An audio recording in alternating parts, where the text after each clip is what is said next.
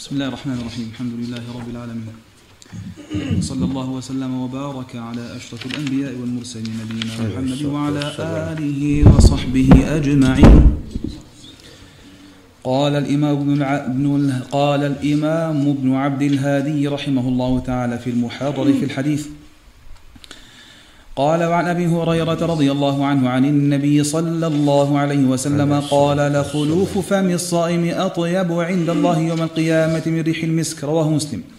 وعن عائشة رضي الله عنها قالت قال رسول الله صلى الله عليه وسلم عشر من الفطره قص الشارب وإعفاء اللحية والسواك واستنشاق الماء وقص الأظفار وغسل البراجم ونتف الإبط وحلق العانة وانتقاص الماء.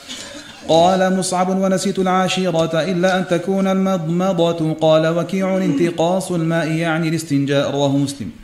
وذكر له النسائي والدار قطني علة مؤثرة ومصعب هو ابن شيبة كل ما فيه. قال النسائي منكر الحديث وعن جعفر بن سليمان عن أبي عمران الجوني عن آنس بن مالك قال وقت لنا في قص الشارب وتقليم الأظفار ونتف الإبط وحلق العانة ألا نترك أكثر من أربعين ليلة. رواه مسلم. وقال ابن عبد البر لم يروه إلا جعفر بن سليمان وليس حجة لسوء حفظه وكثرة غلطه. وقد وثق جعفر ابن معين وغيره. وقال ابن عدي هو عندي ممن يجب أن يقبل حديثه. وقد روى هذا الحديث أحمد وأبو داود والترمذي ومن رواية ابن موسى الدقيقي وفيه ضعف عن أبي عمران وفيه وقتلنا رسول الله صلى الله عليه وسلم. وعن أبي هريرة رضي الله عنه أن النبي صلى الله عليه وسلم قال اختتن إبراهيم خليل الرحمن بعدما أتت عليه ثمانون سنة واختتن بالقدوم أو بالقدوم. متفق عليه وهذا لفظ البخاري. وعن ابن عمر رضي الله عنهما أن النبي صلى الله عليه وسلم نهى عن القزع متفق عليه. وقال أبو داود حدثنا أحمد بن حنبل قال حدثنا عبد الرزاق قال أنبأنا معمر عن أيوب عن نافع عن ابن عمر أن النبي صلى الله عليه وسلم رأى صبيا قد حلق بعد رأسه وترك بعضه فنهاهم عن ذلك وقال احلقوا احلقوه كله أو اتركوه كله. وهذا إسناد صحيح ورواته كلهم أئمة ثقات. والله أعلم. قال باب صفة الوضوء وفرائضه وسننه. قال وعن يونس عن ابن شهاب أن عطاء بن يزيد الليثي أخبره أن حمران مولى عثمان بن عفان رضي الله عنه أخبره أن عثمان بن عفان رضي الله عنه دعا بوضوء فتوضأ فغسل كفيه ثلاث مرات ثم تمضمض واستنثر واستنشق. ثم غسل وجهه ثلاث مرات ثم غسل يده اليمنى إلى المرفق ثلاث مرات ثم غسل يده اليسرى مثل ذلك. ثم مسح رأسه ثم غسل رجله اليمنى إلى الكعبين ثلاث مرات ثم غسل رجله اليسرى مثل ذلك ثم قال رأيت رسول الله صلى الله عليه وسلم توضأ. نحو وضوء هذا. ثم قال رسول الله صلى الله عليه وسلم من توضأ نحو وضوء هذا ثم قام فركع ركعتين لا يحدث فيهما نفسا غفر له ما تقدم من ذنبه. قال ابن شهاب وكان علماؤنا يقولون هذا الوضوء أسبغ ما يتوضأ به أحد للصلاة متفق عليه وهذا لفظ مسلم وقال البخاري ثم تمضمض واستنشق واستنثر. وعن فطر عن أبي ثروة عن عبد الرحمن بن أبي ليلى قال رأيت عليا توضا فغسل وجهه ثلاثا وغسل ذراعه ثلاثا ومسح برأسه واحدة ثم قال هكذا توضأ رسول الله صلى الله عليه وسلم. رواه أبو داود عن زياد بن أيوب عن عبيد الله بن موسى عن فطر. ورواته صادقون مخرج لهم في الصحيح. وأبو فروة اسمه مسلم بن سالم الجهني. قال وعن عمرو بن يحيى المازني عن أبيه قال شهدت عمرو بن أبي حسن شهدت عمرو بن أبي حسن سأل عبد الله بن زيد عن وضوء النبي صلى الله عليه وسلم. فدعا بتور من ماء فتوضأ لهم فكفأه على يديه فغسلهما ثلاثا ثم أدخل يده في الإناء فمضمض واستنشق واستنثر ثلاثا بثلاث غرفات من ماء. ثم أدخل يده في الإناء فغسل وجهه ثلاثا ثم أدخل يده في الإناء فغسل يديه إلى المرفقين مرتين مرتين. ثم أدخل يده في الإناء فمسح برأسه فأقبل بيديه وأدبر وأدبر بهما. ثم أدخل يده في الإناء فغسل رجليه إلى الكعبين فقال هكذا رأيت رسول الله صلى الله عليه وسلم يتوضأ. وفي رواية فمضمض واستنثر ثلاث مرات من غرفة واحدة وفي رواية بدأ بمقدم رأسه حتى ذهب بهما إلى قفاه ثم ردهما إلى المكان الذي بدأ منه. متفق عليه. وعن حبان بن واسع أن أباه حدثه أنه سمع عبد الله بن زيد بن عاصم يذكر أن رسول الله صلى الله عليه وسلم توضأ. وفيه ومسح رأسه بماء غير فضل يديه وغسل رجليه حتى أنقاهما رواه مسلم. وعن عمرو بن شعيب عن أبيه عن جده أن رجلا أتى النبي صلى الله عليه وسلم فقال يا رسول الله كيف الطهور؟ فدعا بماء في إناء فغسل كفيه ثلاثا ثم غسل وجهه ثلاثا ثم غسل ذراعيه ثلاثا ثم مسح برأسه.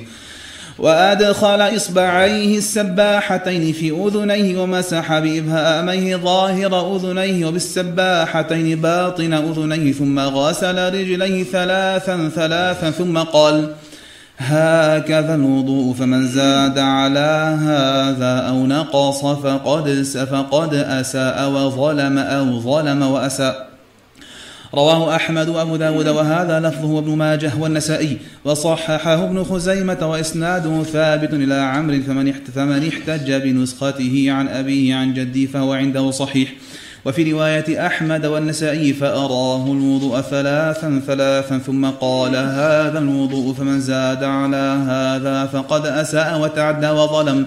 وليس في رواية أحد منهم أو نقص غير أبو غير أبي داود وقد تكلم فيه مسلم وغيره والله أعلم. وعن أبي هريرة رضي الله عنه أن رسول الله صلى الله عليه وسلم قال إذا توضأ أحدكم فليجعل في أنفه ماء ثم ليستنثر وعنه أن رسول الله صلى الله عليه وسلم قال إذا استيقظ أحدكم من منامه فليستثر ثلاث مرات فإن الشيطان فإن الشيطان تبيت على خياشيمه. متفق عليه. وعنه أن النبي صلى الله عليه وسلم قال إذا استيقظ أحدكم من نومه فلا يغمس يده في الإناء حتى يغسلها ثلاثا فإنه لا يدري أين باتت يده. لفظ لفظ مسلم. وعند البخاري وإذا استيقظ أحدكم من نومه فليغسل يده قبل أن يدخلها في وضوئه فإن أحدكم لا يدري أين باتت يده. وروى ابن ماجه والترمذي وصححه إذا استيقظ أحدكم من الليل فلا يدخل يده في الإناء حتى يفرغ عليها مرتين أو ثلاثة. وعن لقيط بن صبيرة قال قلت يا رسول الله أخبرني عن الوضوء قال أسبغ الوضوء وخلل بين الأصابع وبالغ في الاستنشاق إلا أن تكون صائما رواه أحمد وأبو داود والترمذي والنسائي وابن ماجه. وصححه الترمذي وابن خزيمة والحاكم وغيرهم. وزاد أبو داود في رواية إذا توضأت فمضمض ورواه الدولابي فيما جمعه من حديث الثوري ولفظه. إذا توضأت فأبلغ في المضمضة والاستنشاق ما لم تكن صائمة. وصححه ابن قطان. وعن ابن عباس رضي الله عنهما قال توضأ النبي صلى الله عليه وسلم مرة مرة. وعن عبد الله بن زيد أن النبي صلى الله عليه وسلم توضأ مرتين مرتين. رواهما البخاري. وعن عامر بن شقيق بن جمرة عن أبي وائل عن عثمان رضي الله عنه عن النبي صلى الله عليه وسلم أنه كان يخلل لحيته رواه ابن ماجه والترمذي وصححه ابن خزيمة وابن حبان وقال البخاري هو أصح شيء في هذا الباب وعامر ضعفه ابن معين وقال النسائي ليس به بأس وقال أبو حاتم لا يثبت عن النبي صلى الله عليه وسلم في تخليل لحية حديث. وعن سنان بن ربيعة عن شر بن حوشب عن أبي أمامة أن رسول الله صلى الله عليه وسلم قال الأذنان من الرأس وكان يمسح رأسه مرة ويمسح المأقين. رواه ابن ماجه وسنان ها وسنان روى له البخاري حديثا مقرونا بغيره وقال النسائي ليس بالقوي وشهر وشهر وثقه أحمد وابن معين وغيرهما وتكلم فيه غير واحد من الأئمة وروى له مسلم مقرون بغيره. والصواب أن قوله الأذنان من الرأس موقوف على أبي أمامة كذا كذلك رواه أبو داود وقال وقاله الدار قطني والله أعلم. وعن شعبة عن حبيب بن زيد عن عباد بن تميم عن عباد بن تميم عن عبد الله بن زيد أن النبي صلى الله عليه وسلم أتي بثلثي مد فتوضأ فجعل يدلك ذراعيه. رواه أحمد وأبو يعلى بن خزيمة في صحيحه واللفظ له وابن حبان وحبيب وثقه النسائي وغيره وقال أبو حاتم وصالح وعن نعيم المجمل قال رأيت أبا هريرة رضي الله عنه يتوضأ فغسل وجهه فأسبغ الوضوء ثم غسل يده اليمنى حتى أشرع في العضد.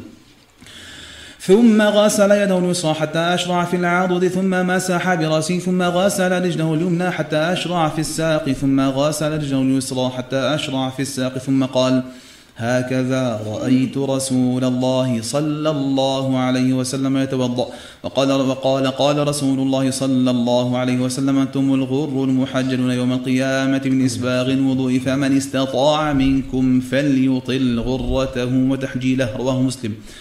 وروى أيضا من حديث نعيم أنه رأى أبا هريرة رضي الله عنه يتوضأ فغسل وجهه ويديه حتى كاد يبلغ المنكبين ثم غسل رجليه حتى رفع إلى الساقين. ثم قال سمعت رسول الله صلى الله عليه وسلم يقول إن أمتي يأتون يوم القيامة غرا محجلين من آثر الوضوء فمن استطاع منكم أن يطيل غرته فليفعل. وروى الإمام أحمد حديث نعيم وزاد فيه وقال نعيم لا أدري قوله. من استطاع منكم أن يطيل غرته فليفعل. من قول رسول الله صلى الله عليه وسلم ومن قول أبي هريرة أو من قول أبي هريرة. وروى مسلم عن قتيبة عن خالف بن خليفة عن أبي مالك الأشعري عن أبي حازم قال كنت خلف أبي هريرة رضي الله عنه ويتوضأ للصلاة فكان يمد يده حتى تبلغ إبطه فقلت له يا أبا هريرة ما هذا الوضوء؟ قال يا بني فروخ أنتم ها هنا لو علمت أنكم ها هنا ما توضأت هذا الوضوء؟ سمعت خليلي رسول الله صلى الله عليه وسلم يقول تبلغ الحلية من المؤمن حيث يبلغ الوضوء. وعن عائشة رضي الله عنها وعن أبيها قالت كان النبي صلى الله عليه وسلم يعجبه التيمن في تنعله وترجله وطهوره وفي شأنه كله متفق عليه. وعن ابن المغيرة بن شعبة عن أبيه أن النبي صلى الله عليه وسلم توضأ فمسح بناصيته وعلى العمامة أو العمامة وعلى الخفين رواه مسلم. وعن عبد الله بن زيد أنه رأى رسول الله صلى الله عليه وسلم يتوضأ فأخذ لأذنيه ماء خلاف الماء الذي أخذ لرأسه رواه البيهقي ومن رواية الهيثم بن خارجة عن ابن وهب عن عبد الحارث.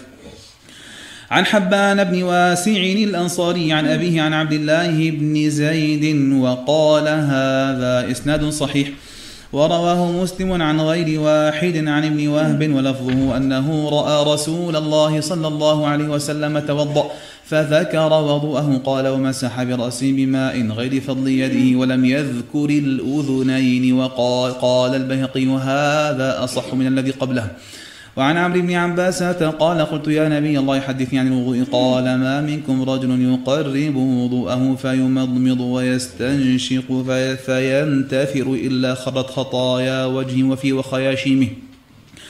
ثم إذا غسل وجهه كما أمره الله إلا خرت خطايا وجهه من أطراف لحيته مع الماء ثم يغسل يديه إلى المرفقين إلا خرت خطايا يديه من أنامله مع الماء. ثم يمسح رأسه إلا خرت خطايا رأسه من أطراف شعره مع الماء ثم يغسل قدميه إلى الكعبين إلا خرت خطايا رجليه من أنامله مع الماء فإن هو قام فصلى فحمد الله وأثنى عليه ومجده بالذي له هو بالذي هو له أهل. وفر قلبه لله عز وجل إلا انصرف من خطيئته كهيئة يوم ولدته أمه رواه مسلم هكذا. ورواه الإمام أحمد في مسنده وابن خزيمة في صحيحه وفيه كما أمره الله تعالى بعد غسل الرجلين. وعن جعفر بن محمد عن أبي عن جابر رضي الله عنه فذكر الحديث في حجة النبي صلى الله عليه وسلم وفيه فلما دنا من الصفا قال إن الصفا والمروة من شعائر الله. ابدأوا بما بدأ الله به هكذا. رواه النسائي بإسناد صحيح بصيغة الأمر. ورواه مسلم والنسائي أيضا من غير وجه عن جعفر بصيغة الخبر نبدأ وأبدأ وهو الصحيح وعن بقية عن بحير بن سعد عن خالد بن معدان عن بعض أصحاب النبي صلى الله عليه وسلم أن النبي صلى الله عليه وسلم رأى رجلا يصلي وفي ظهر قدمه لمعة قدر درهم لم يصبها الماء. فأمره النبي صلى الله عليه وسلم أن يعيد الوضوء والصلاة. رواه أحمد وأبو داود وليس عند أحمد ذكر الصلاة. قال الأثرم قلت لأحمد هذا إسناد جيد؟ قال نعم.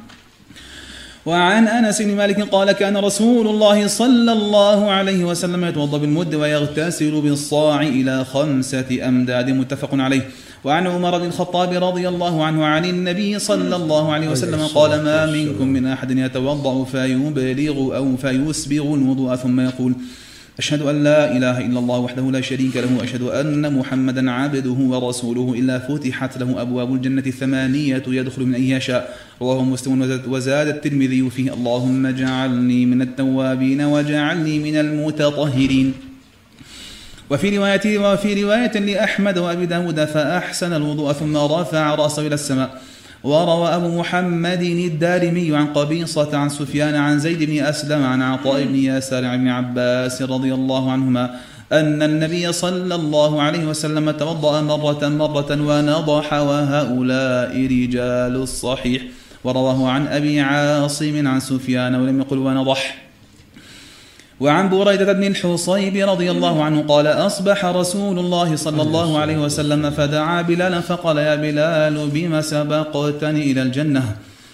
فما دخلت الجنة قط إلا وسمعت خشخشتك أمامي دخلت البارحة فسمعت خشخشتك أمامي. فأتيت على قصر مربع مشرف من ذهب فقلت لمن هذا القصر؟ قالوا لرجل عربي فقلت أنا عربي لمن هذا القصر؟ قالوا لرجل من قريش فقلت أنا قرشي لمن هذا القصر. قالوا لرجل من أمة محمد فقلت أنا محمد لمن هذا القصر. قالوا لعمر بن الخطاب رضي الله عنه فقال بلال يا رسول الله ما أذنت قط إلا صليت ركعتين. وما أصابني حدث قط إلا توضأت عندها ورأيت أن لله علي ركعتين. فقال رسول الله صلى الله عليه وسلم بهما. رواه أحمد والترمذي وهذا لفظه وقال حديث حسن صحيح غريب.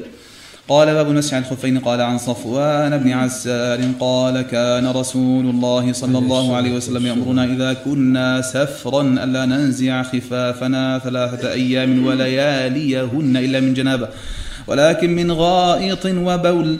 رواه أحمد والنسائي بن ماجه والترمذي وهذا لفظه وقال حديث حسن صحيح. ورواه ابن خزيمة وابن حبان في صحيحيهما. وعن المغيرة بن شعبة رضي الله عنه قال كنت مع النبي صلى الله عليه وسلم في سافر فأهويت لأنزع خفيه فقال دعهما فإني أدخلتهما طاهرتين فمسح عليهما. متفق عليه ولفظ البخاري. وعن جرير بن عبد الله قال رأيت رسول الله صلى الله عليه وسلم بال ثم توضأ ومسح على خفيه. قال إبراهيم كان يعجبهم هذا الحديث لأن إسلام جرير كان بعد نزول المائدة. متفق عليه. ولفظ المسلم.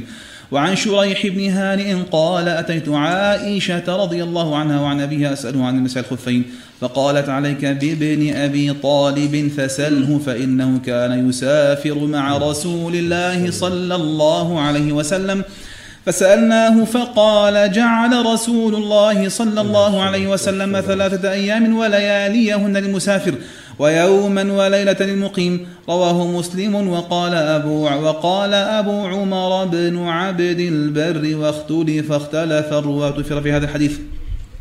ووقفه على علي رضي الله عنه قال وقال ومن رفعه أحفظ وأضبط. وعن عثمان وعن ثوبان رضي الله عنه قال بعث رسول الله صلى الله عليه وسلم سرية فأصابهم البرد فلما قدموا على رسول الله صلى الله عليه وسلم أمرهم يمسحوا على العصائب والتساقين. رواه أحمد وأبو داود وأبو يعلى الموصلي والروياني والحاكم وقال على شرط مسلم وفي قوله نظر فإنه من رواية ثور بن يزيد عن راشد بن سعد عن ثوبان وثور لم يروي له مسلم بل انفرد به البخاري. وراشد بن سعد لم يحلم يحتج به الشيخان وقال الإمام أحمد لا ينبغي أن يكون راشد سمع من ثوبان لأنهما تقديما. وفي هذا القول نظر فإنهم قالوا إن راشدا شهد مع معاوية صفين وثوبان مات سنة أربع وخمسين ومات راشد سنة ثمان ومائة. ووثقه ابن معين وأبو حاتم والعجلي ويعقوب بن شيبة والنسائي. وخالفهم ابن حزم فضعفه والحق معهم. والعصائب العمائم والتسخن الخفاف. وعن زبيد بن الصلت قال سمعت عمر بن الخطاب رضي الله عنه يقول إذا توضأ أحدكم ولبس خفيه فليمسح عليهما وليصلي فيهما ولا يخلعهما إن شاء إلا من جنابه. رواه الدار قطني من رواية أسد بن موسى وفيه قال حماد بن سلمة عن عبيد الله بن أبي بكر وثابت عن أنس عن النبي صلى الله عليه وسلم مثله. وآسد بن موسى وثقه العجلي والنسائي والبزار وخالفهم ابن حزم فقال هو منكر الحديث والصواب مع الجماعة. وقال الحاكم في المستدرك بعد ذكر حديث عقبة بن عامر خرجت من الشام. وقد وقد روي عن آنس مرفوعا بإسناد صحيح رواته عن آخرهم ثقات إلا أنه شاذ بمرة. ثم أخرج حديث آنس المتقدم وقال فيه على شرط مسلم. قال باب نواقض الوضوء وما اختلف فيه من ذلك. قال وعن آنس بن مالك رضي الله عنه قال أقيمت صلاة العشاء فقال رجل لي فقال رجل لي حاجة. فقام النبي صلى الله عليه وسلم يناجي حتى نام القوم وبعض القوم ثم صلوا. رواه مسلم وفي لفظ له كان أصحاب رسول الله صلى الله عليه وسلم ينامون ثم يصلون ويتوضؤون. ورواه أبو داود ولفظه كان أصحاب رسول الله صلى الله عليه وسلم على عهد رسول الله صلى الله عليه وسلم ينتظرون العشاء الأخيرة حتى تخفق رؤوسهم ثم يصلون ولا يتوضؤون. ورواه الدار قطني وصححه. وفي رواية عند البهقي لقد رأيت أصحاب رسول الله صلى الله عليه وسلم يوقظون للصلاة حتى إني لأسمع لأحدهم غطيطا ثم يقومون فيصلون ولا يتوضؤون. قال ابن المبارك هذا عندنا وهم جلوس.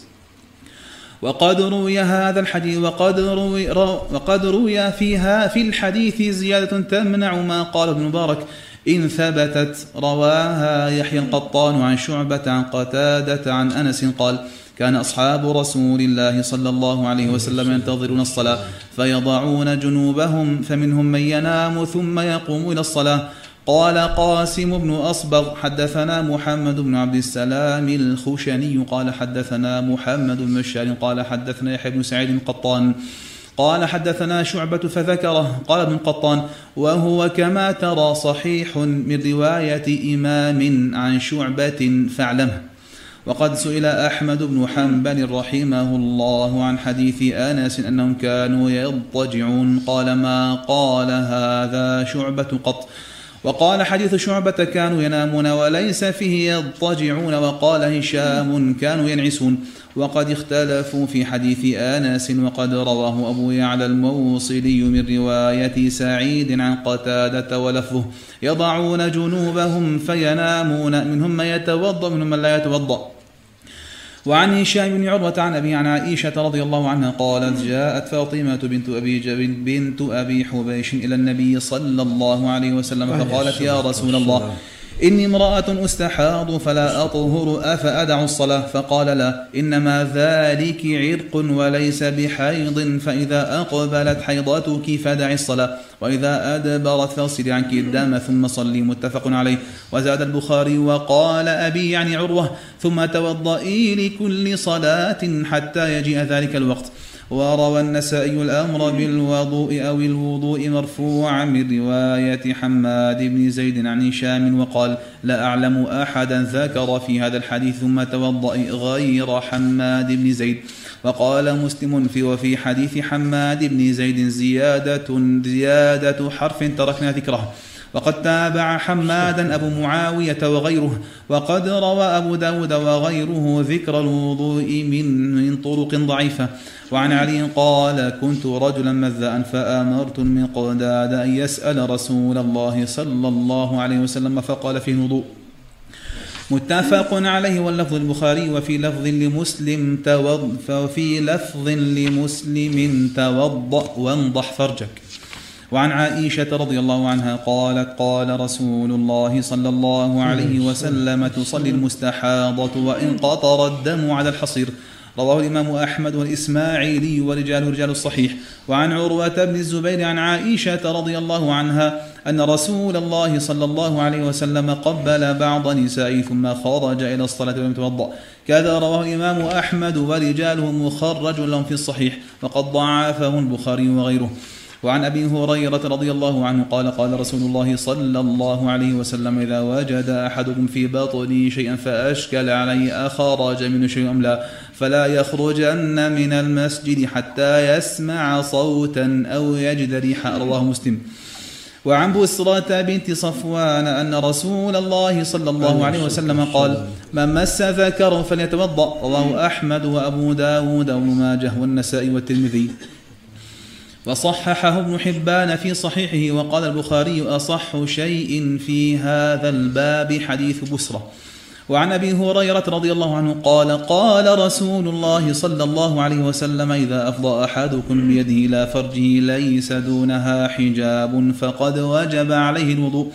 رواه أحمد والطبراني وهذا لفظه والدار قطني وابن حبان والحاكم وصححه. وعن قيس بن طلق الحنفي عن أبيه قال كنت جالسا عند النبي صلى الله عليه وسلم فقال رجل مسست ذكري أو قال الرجل يمس ذكره في الصلاة عليه وضوء؟ قال لا إنما هو بضعة منك. رواه أحمد وهذا لفظه وأبو داود بن ماجه وابن حبان والنسائي والترمذي وقال هذا الحديث أحسن شيء روي في هذا الباب. وقال الطحاوي هو مستقيم الإسناد. وجعله ابن المديني أحسن من حديث بسرة وقد تكلم فيه الشافعي وأبو زرعة وأبو حاتم وغيرهم وأخطأ من حكى الاتفاق على ضعفه. وقد روى وقد روى الطبراني بإسناد بإسناده وصححه عن قيس بن طلق عن أبيه عن النبي صلى الله عليه وسلم قال من مس فرجه فليتوضأ وإسناده لا يثبت. وعن عائشة رضي الله عنها وعن أبيها أن رسول الله صلى الله عليه وسلم قال من أصابه قيء أو رعاف أو قلس أو مذي فلينصرف فليتوضأ ثم ليبني على صلاته وهو في ذلك لا يتكلم. رواه ابن ماجه وضعفه الشافعي وأحمد والدار قطني وغيرهم. وعن جابر بن سامورة أن رجلا سأل رسول الله صلى الله عليه وسلم أأتوضأ من لحوم الغنم؟ قال إن شئت فتوضأ وإن شئت فلا تتوضأ. قال أت قال أتوضأ من لحوم الإبل؟ قال نعم فتوضأ من لحوم الإبل. قال أصلي في مرابض الغنم؟ قال نعم. قال أصلي في مبارك الإبل؟ قال لا. رواه مسلم.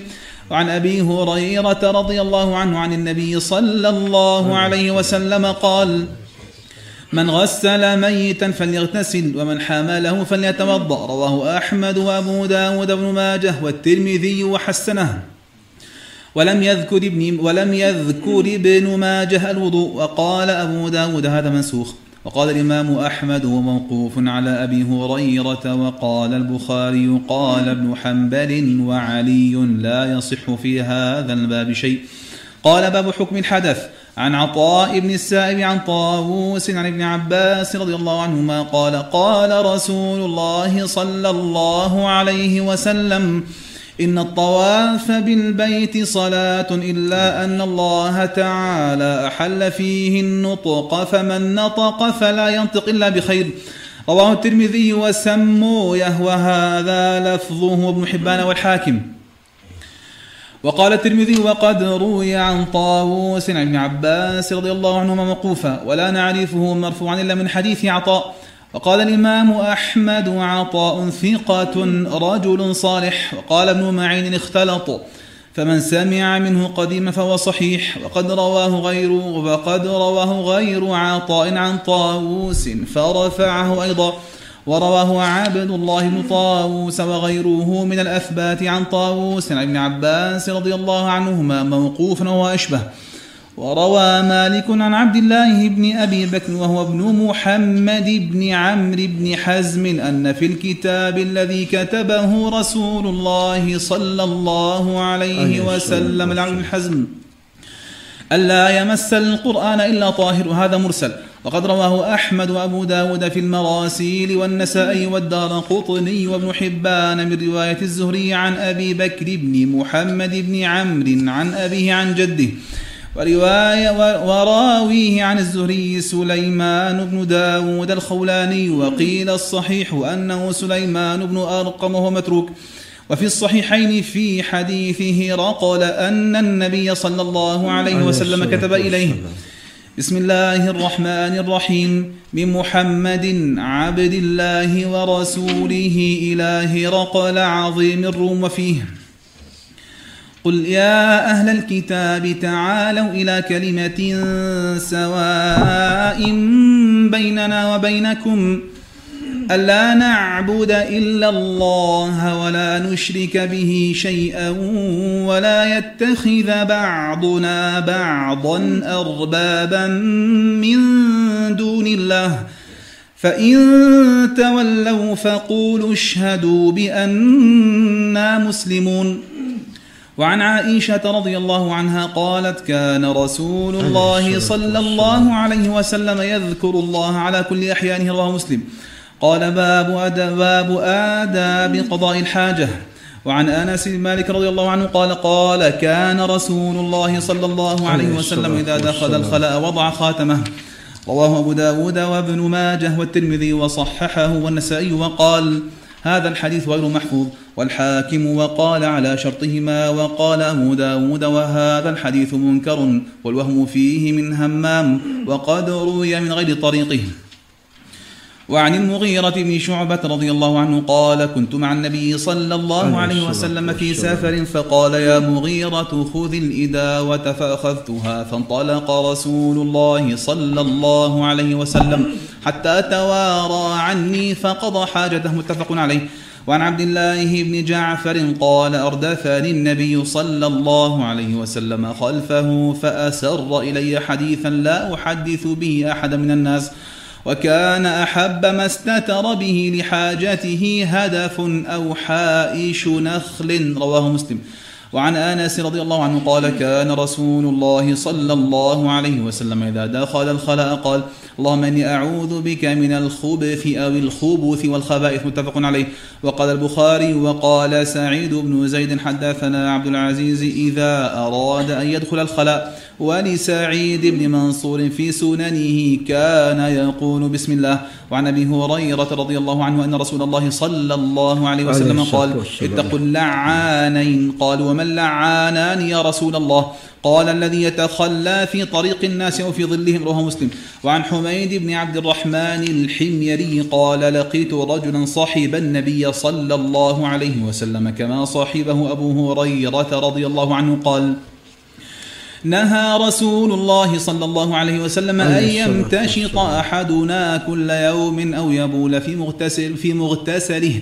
رواه أحمد وأبو داود والنسائي والحاكم. وهذا الرجل مبهم هو الحاكم بن عمرو الغفاري. قاله ابن السكن.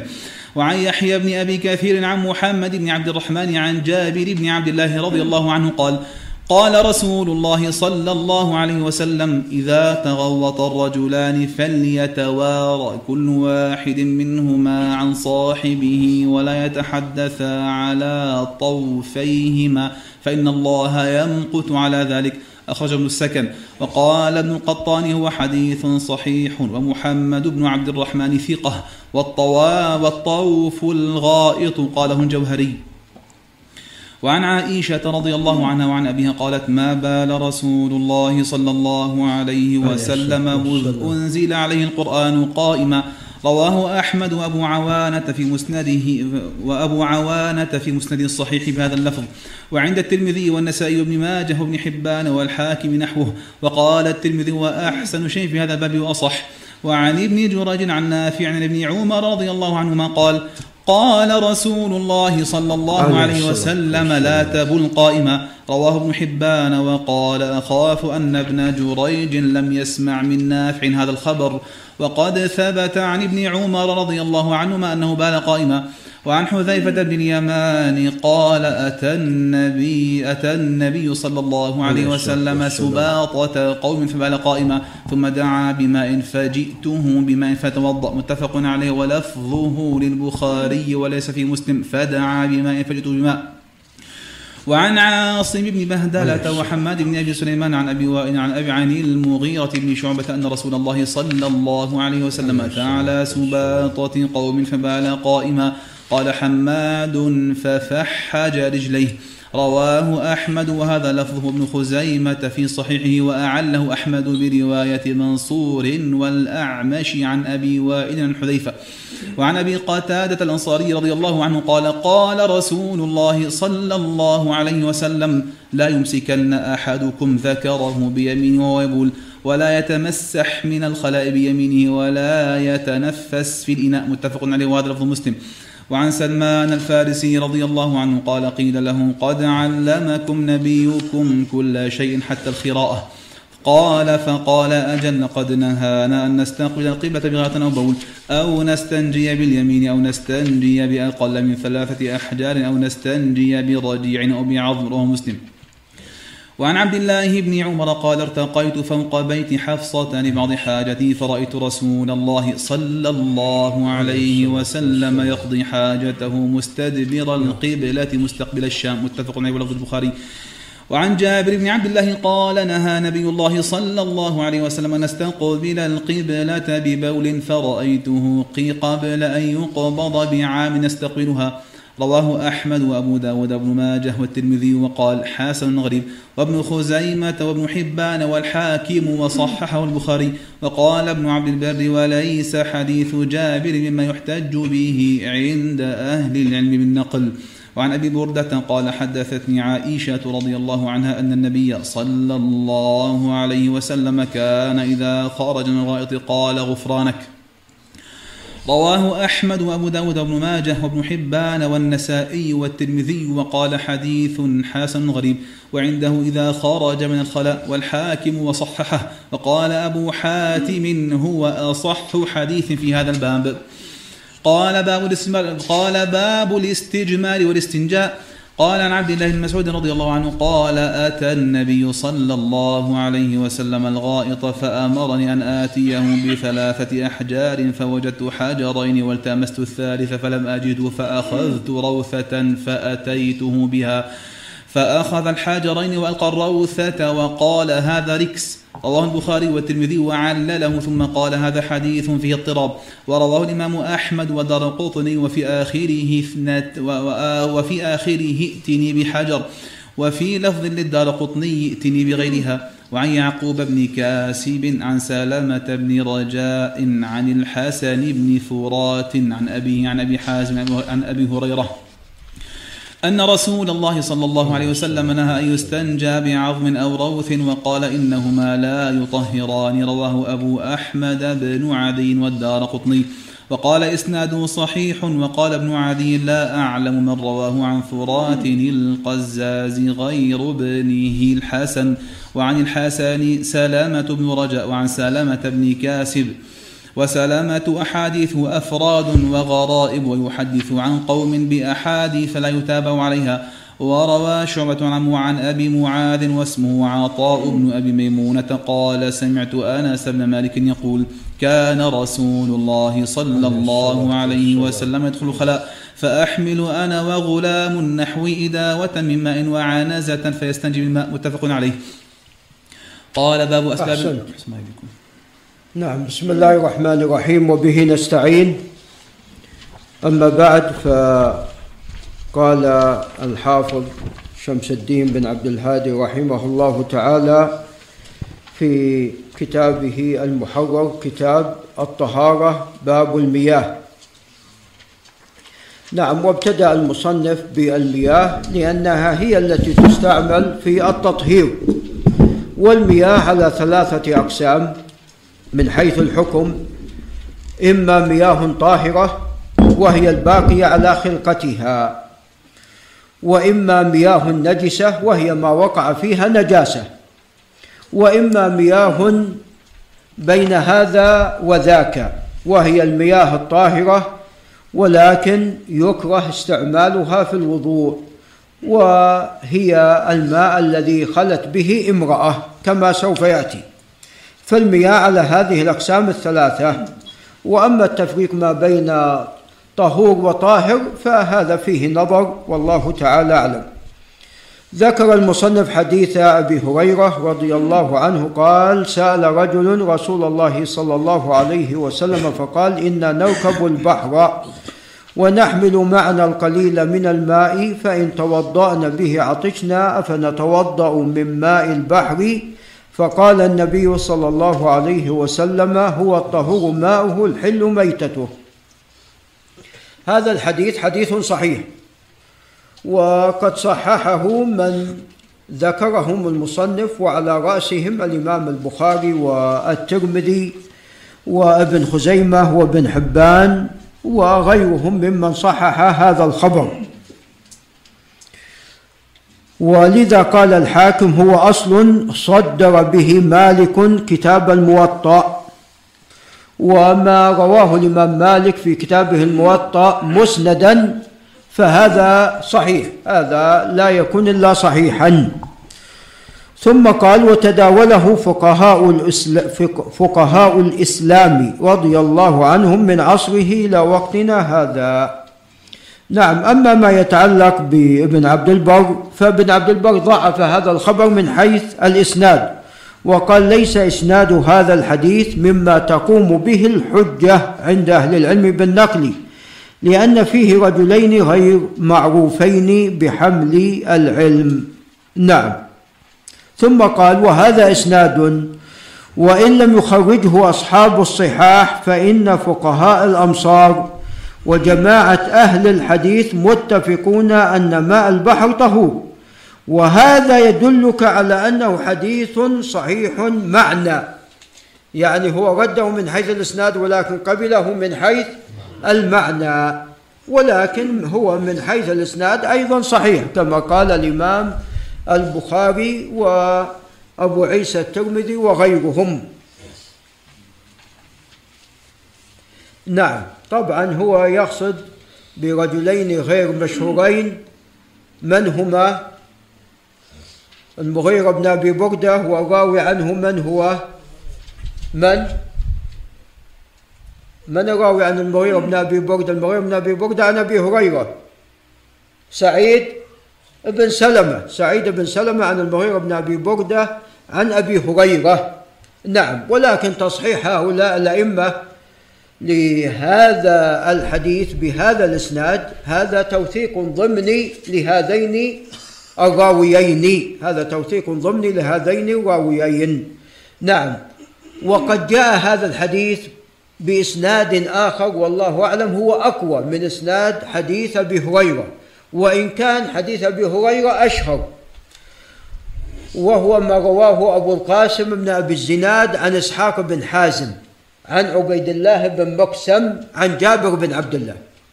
ما رواه أبو القاسم بن أبي الزناد عن إسحاق بن حازم عن عبيد الله بن مقسم عن جابر. وهذا إسناد جيد. هذا إسناد جيد وإن كان فيه غرابة وقد صححه ابن خزيمة وغيره. نعم. فلو أشار المصنف إلى حديث جابر لكان أكمل نعم. لو قال وفي الباب أيضا عن جابر بن عبد الله. فكأن حديث جابر طبعا خرجه الدار قطني أيضا وذكر أسانيد هذا الخبر وله طرق أخرى لكن هذا له طرق أخرى عن جابر لكن هذا أقوى أسانيده. الخلاصة عندنا حديثان صحيحان في ماء البحر. عندنا حديث أبي هريرة وحديث جابر وكأن حديث جابر أصح اسنادا. ولكن الشهرة لحديث أبي هريرة. ثم قال وعن أبي سعيد الخدري رضي الله عنه قيل يا رسول الله نتوضأ من بئر بضاعة وهي بئر يلقى فيها الحيض والنتن ولحوم الكلاب. قال إن الماء طهور لا ينجسه شيء. وفي رواية وفي رواية لأحمد وأبي داود والدار قطني يطرح فيها محايض النساء. ولحم الكلاب. وعذر الناس يقال عذر الناس ويقال عذر. بالعكس بفتح العين وكسر الذال. نعم. هذا الخبر والله أعلم لا يصح. لا من حيث الإسناد ولا من حيث المتن. أما من حيث الإسناد ففيه عبيد الله بن عبد الله بن رافع بن خديج. عن أبي سعيد الخدري. عبيد الله بن عبد الله بن رافع بن خديج لا يعرف. ولذا اختلف في اسمه. فقيل عبد الله بن عبد الرحمن وقيل غير ذلك فهو غير معروف. هذا من حيث الإسناد. وأما من حيث المتن فهذه البئر إذا كان يلقى فيها لحوم الكلاب ومحايض النساء وعذر الناس. وهي بئر صغيرة. وقد ذكر أبو داود أنه دخلها وأنه سأل القيم هل تغيرت البئر عما كانت عليه؟ فقال لا لم تتغير. وأنه زرعها بردائه. وأن الماء يصل إلى ماذا؟ إلى الركبتين تقريبا وإذا زاد وصل إلى ماذا؟ إلى العانة. وإذا زاد وصل إلى العانة. فهي بئر صغيرة والماء فيها ماذا؟ قليل وليس بالكثير فإذا كان يلقى فيها عذر الناس نعم ولحوم الكلاب ومحايض النساء ولم يبق نجاسة إلا وماذا؟ إلا وألقيت فيها ما في غيرها النجاسات نعم وهي بئر صغيرة وليست جارية حتى يعني المياه في جريانها تدفع النجاسة فيبقى الماء الطاهر. بل هي بئر غير جارية. فجزما أنها سوف تتغير. نعم جزما أنها سوف تتغير بما وقع فيها من نجاسات. والماء سريع التأثر وخاصة أن هذا الماء ليس بالكثير. سريع التأثر بما يلقى فيه. نعم لأنه سائل. وهذه الأشياء نجسة غاية في النجاسة لحوم الكلاب وعذر الناس ومحايض النساء نعم وقد عهد آه، بالمسلمين في مختلف بلادهم أنهم يصونون ماذا؟ يصونون آبارهم يصونون آبارهم كيف هذه البير يعني يتوضأ منها ويستفاد منها ومع ذلك ماذا؟ تلقى فيها هذه الأشياء من النجاسات. لم يعهد بين المسلمين فضلا عن عهد رسول الله صلى الله عليه وسلم الذي هو أشرف وأفضل العهود التي مرت على البشرية عليه الصلاة والسلام. كيف كل هالنجاسات تلقى فيها؟ هذا شيء بعيد. يعني ال- الذي عهد أن الأبار في بلاد الإسلام التي تستعمل أنها ماذا؟ أنها تصان أنها تصان ما تترك. أنها تصان نعم. فكيف يأتي الرسول عليه الصلاة والسلام ويتوضأ منها؟ نعم. فهذا الخبر منكر. لا من حيث الإسناد ولا من حيث المتن. والله أعلم. فعندي أن هذا الخبر خبر منكر سندا ومتنا. نعم. وأما تصحيح بعض كبار الحفاظ لهذا الخبر فهذا لعل لجزء من الحديث وهو إن الماء طهور لا ينجسه شيء. وهذا ما جاء في حديث أبي هريرة وحديث سهل بن سعد وجابر. ألم يقل المصنف وبالباب وروي من حديث أبي هريرة وسهل بن سعد وجابر؟ نعم. فلعلهم يقصدون أصل الحديث لا هذا السياق الذي جاء في حديث أبي سعيد الخدري وهو الذي المقصود هنا المقصود هنا وقوع النجاسات ومع ذلك نعم طهارة هذه البير مع وقوع هذه النجاسات. فالأقرب والله أعلم أن هذا الخبر لا يصح لا سندا ولا متنا بل هو خبر منكر والله أعلم. قال وعن عبد الله بن عمر رضي الله عنهما سئل رسول الله صلى الله عليه وسلم عن الماء وما ينوبه من من الدواب والسباع. وسوف يأتي بإذن الله حكم آثار السباع. فقال إذا كان الماء قلتين لم يحمل الخبث وفي رواية أو في لفظ لم ينجسه شيء. نعم. قال وصححه ابن خزيمة وابن حبان والدار قطني وغير واحد من الأئمة. نعم. هذا الخبر الراجح أنه صحيح. الراجح أنه صحيح. وقد عل بعلتين.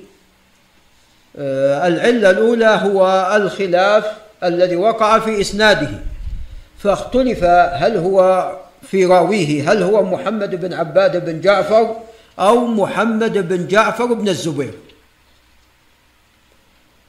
وإذا قلنا محمد بن عباد اختلف في شيخه.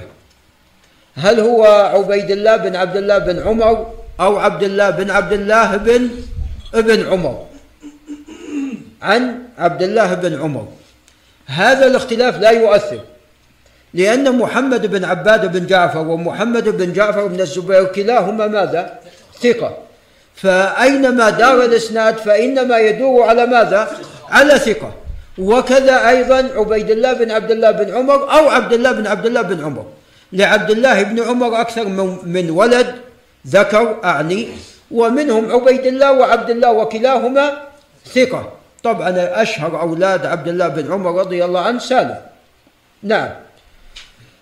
ولكن من أولاده أيضا عبيد الله وعبد الله وكلاهما ثقة. فسواء كان راويه عبيد الله أو عبد الله فهذا ماذا؟ لا يؤثر على اسناده كلاهما ثقة. أينما دار الإسناد فإنما يدور على ثقة. هذا ما يتعلق بالعلة الأولى وهي الاضطراب الذي وقع في إسناد هذا الخبر. أما العلة الثانية وهي وقفة. هذا جاء في رواية. هذا جاء في إسناد. وفي باقي الأسانيد جاء ماذا؟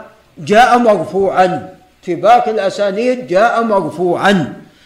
وأيضا يقال أن عبد الله بن عمر لا يمكن أن يجتهد ويقول من نفسه أن الماء إذا بلغ قلتين لم يحمل الخبث وفي رواية لم ينجس. نعم فهذا بعيد. فيكون حتى الرواية الموقوفة لها حكم ماذا؟ لها حكم الرفض. فالخلاصة أن هذا الخبر خبر صحيح. بل قال عفوا نعم. لا المتن بارك الله فيك ليس فيه اضطراب. طبعا جاء في رواية باطلة. ذكرها الدار قطني. طبعا الدار قطني أول ما بدأ في كتابه السنن بذكر أسانيد هذا الخبر. وساق نحو أربعين اسناد ساق نحو أربعين اسناد وكتاب السنن يذكر الأحاديث تكلمنا من قبل يذكر الأحاديث التي يحتج بها فقهاء الإسلام. وتكون هذه الأحاديث فيها ماذا؟ فيها خلاف في في صحتها. نعم فيذكرها. فأول ما بدأ بهذا الحديث وساق له أربعين إسناد من ضمن الأسانيد إسناد ساقط.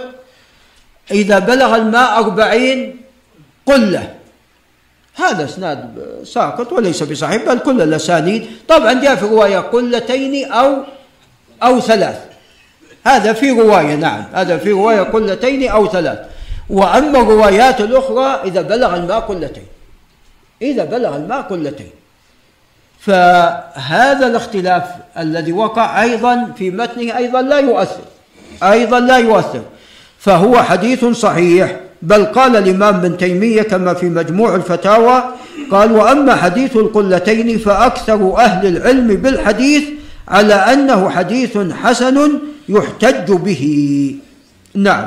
طبعا جود إسناده الإمام يحيى بن معين وقال البيهقي عن بعض أسانيده إسناده صحيح موصول وصححه أيضا الطحاوي وقال الخطابي في معالم السنن ويكفي شاهدا على صحته أن نجوم أهل الحديث صححوه وقد صححه جماعة من المست من المتأخرين واستشكلوا من جهة المتن أن القلتين لا يعلم قدرهما. نعم. فالخلاصة أن الحديث صحيح إسنادا ومتنا. ولكن بقي أن مقدار القلتين ماذا؟ مختلف فيه. لا يست... لا يعني من الصعوبة بمكان الجزم بمقدار القلتين. والإمام الشافعي عندما قال إنما ذهب أن يعني القلتين تقريبا قربتين وماذا؟ ونصف. فقال يعني قربتين قال الاحتياط قربتين وماذا؟ ونصف. إذا قلتين خمس خمس قرب. نعم خمس قرب. خمس عفوا خمس قرب. نعم هذا احتياطا هذا احتياطا. ومن المعلوم أن القلة تختلف. يعني القلل يختلف بعضها كبير وبعضها صغير. فالذي يشكل هو مقدار ماذا؟ مقدار القلة هذا هو الذي يشكل. لكن هذا الحديث فاد التفريق ما بين الماء القليل والماء الكثير وهذا بالاتفاق. من حيث الجملة من حيث الجملة الأمة متفقة على التفريق ما بين القليل والكثير. طبعا يعني بعض أهل العلم يقول الماء سواء كان قليلا أو كثيرا إذا لم يتغير فهو ماذا؟ فهو طاهر. فهو طاهر. لكن هو أيضا من حيث الجملة يقول لا شك أن الماء الكثير إذا كان كثيرا جدا هذا باتفاق ماذا؟ هذا باتفاق المسلمين أنه طاهر.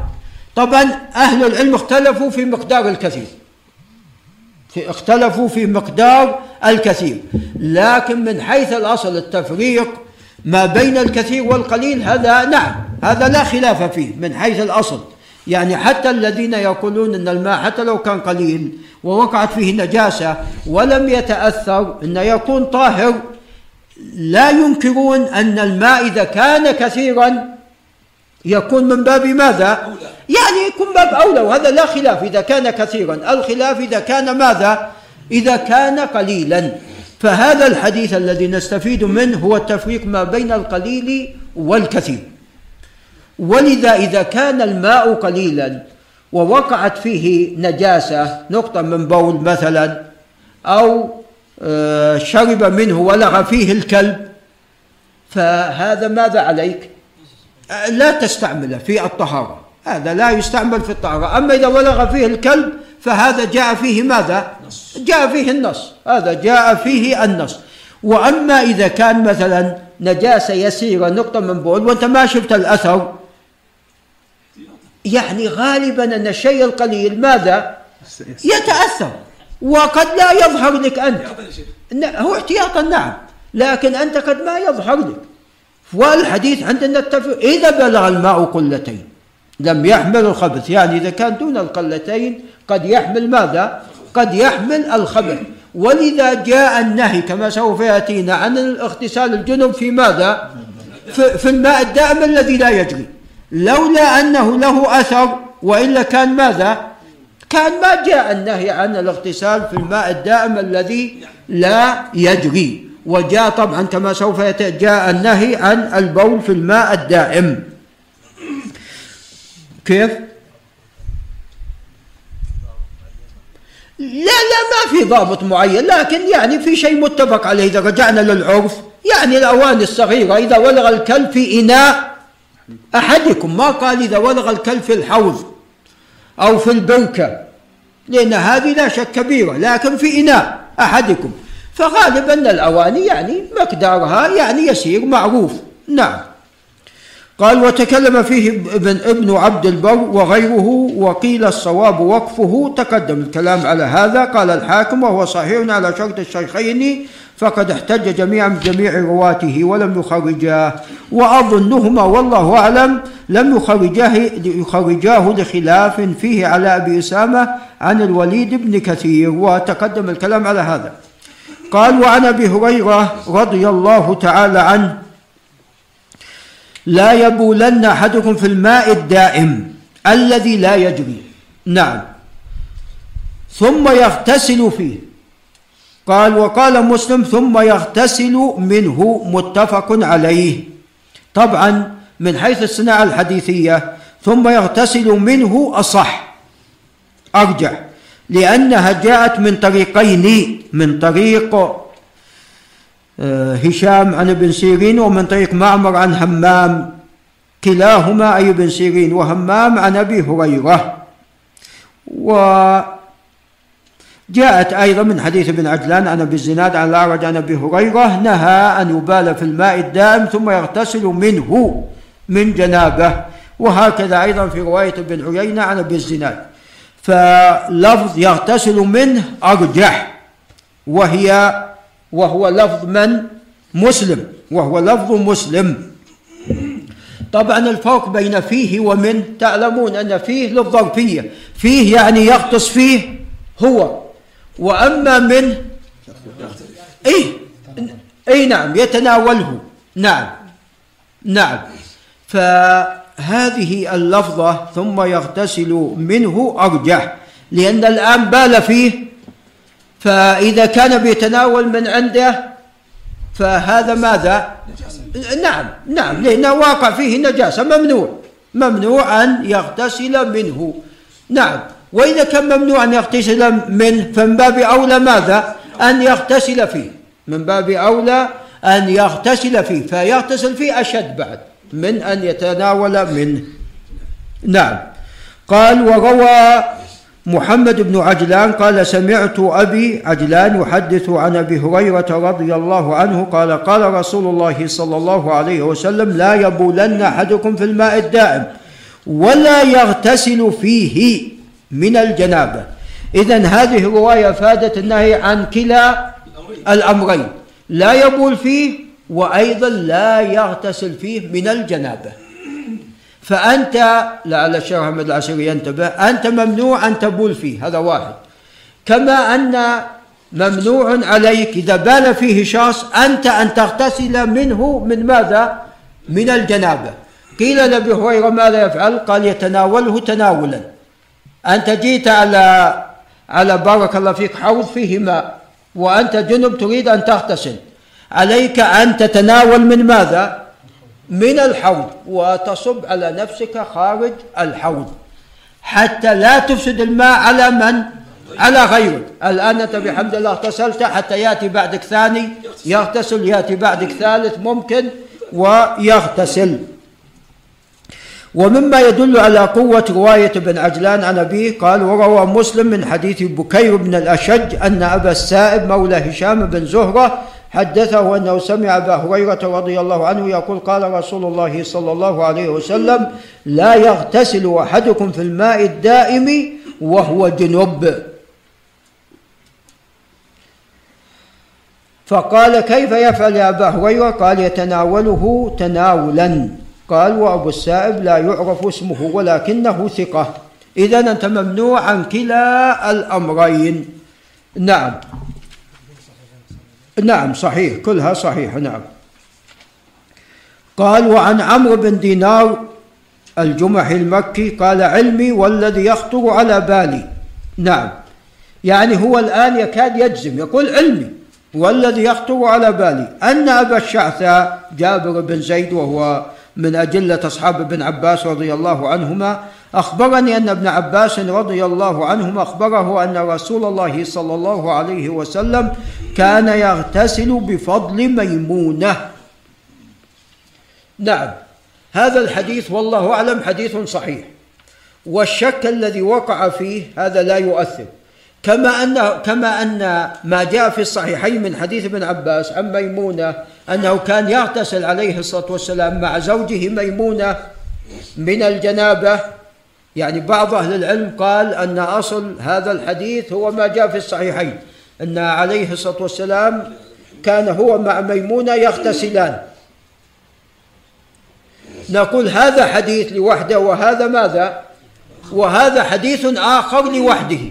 وأنه عليه الصلاة والسلام كان يغتسل بفضل ميمونة. والذي يدل على هذا هو ما روى سماك بن حرب وهو صدوق عن عكرمة عن ابن عباس. طبعا تقدم لنا أن رواية سماك بن حرب عن عكرمة عن ابن عباس متكلم فيها. ولكن الراجح أنها ماذا يا أبا يحيى؟ الراجح أنها صحيحة. حتى يدل دليل على أن سماك ماذا؟ أخطأ. نعم. أخطأ في هذا الحديث. هو طبعا وجه النقد في هذا الإسناد أن أحيانا سماك يلقن. يروي عن عكرمة خبر فيلقن. يقال له عن ابن عباس فيجعل عن ماذا؟ عن ابن عباس. هو قد يكون مرسل وقد يكون مقطوع من كلام عكرمة فيجعل مرفوع. لكن هذا يعني قد يكون في بعض الأحاديث ولا أكثر كثير من أحاديثه. قد رجعت من رواية سماك عن عكرمة عن ابن عباس وجدت أنها صحيحة. بدليل أنها جاءت من طرق ماذا؟ من طرق أخرى. لكن مما استنكر بهذا الطريق هو حديث الأعرابي في رؤيته للهلال. أن أعرابيا شهد أنه رأى الهلال فقال تشهد أن لا إله إلا الله؟ قال نعم. قال تشهد أن محمد رسول الله؟ قال نعم. قال يا بلال أذن. بالناس أن غدا من رمضان. هذا الخبر الصواب أنه مرسل وقد عله جمع من الأئمة وهو ظاهر كلام بعيسى الترمذي. فالأصل في رواية سماك عن عكرمة عن ابن عباس الأصل فيها الاستقامة. ولذا صحح أبو عيسى عدة حديث بهذه السلسلة. طبعا هذا الحديث قد اختلف فيه على سماك. هل في هل فيه هل هو مسندا فيه ابن عباس أو مرسل؟ أو مرسل. فإذا رجحنا جانب الأرسال فهو شاهد قوي لمن؟ نعم لحديث عمرو بن دينار. هذا جاء من وجه آخر. إذا رجحنا جانب الإرسال وإذا رجحنا الوصل الأمر واضح. نعم. نعم. قال وصححه الترمذي وابن خزيمة وابن حبان والحاكم وقال أحمد أي الإمام أحمد التقيه لحال سماك ليس أحد يرويه غيره. نعم. قال وقد احتج مسلم بسماك والبخاري بعكرمة والله أعلم. نعم. فالخلاصة أن هذا المتن بإسناديه أحدهما يقوي الآخر فهو خبر ثابت والله أعلم. قال وعن حميد بن عبد الرحمن الحميري وهو فقيه من فقهاء البصرة في زمانه قال لقيت رجلا صحب النبي صلى الله عليه وسلم أربع سنين كما صحبه أبو هريرة. فاستفدنا أن أبا هريرة قد صحب الرسول عليه الصلاة والسلام أربع سنوات. ولذا جاء في خيبر وخيبر كانت في بداية سبع. فسبعة وثمانية وتسعة وعشرة ومات عليه الصلاة والسلام في السنة الحادية عشرة. فهذه أربع سنوات تقريبا.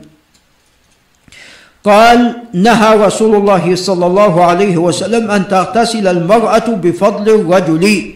أو يغتسل الرجل بفضل المرأة وليغترفا جميعا.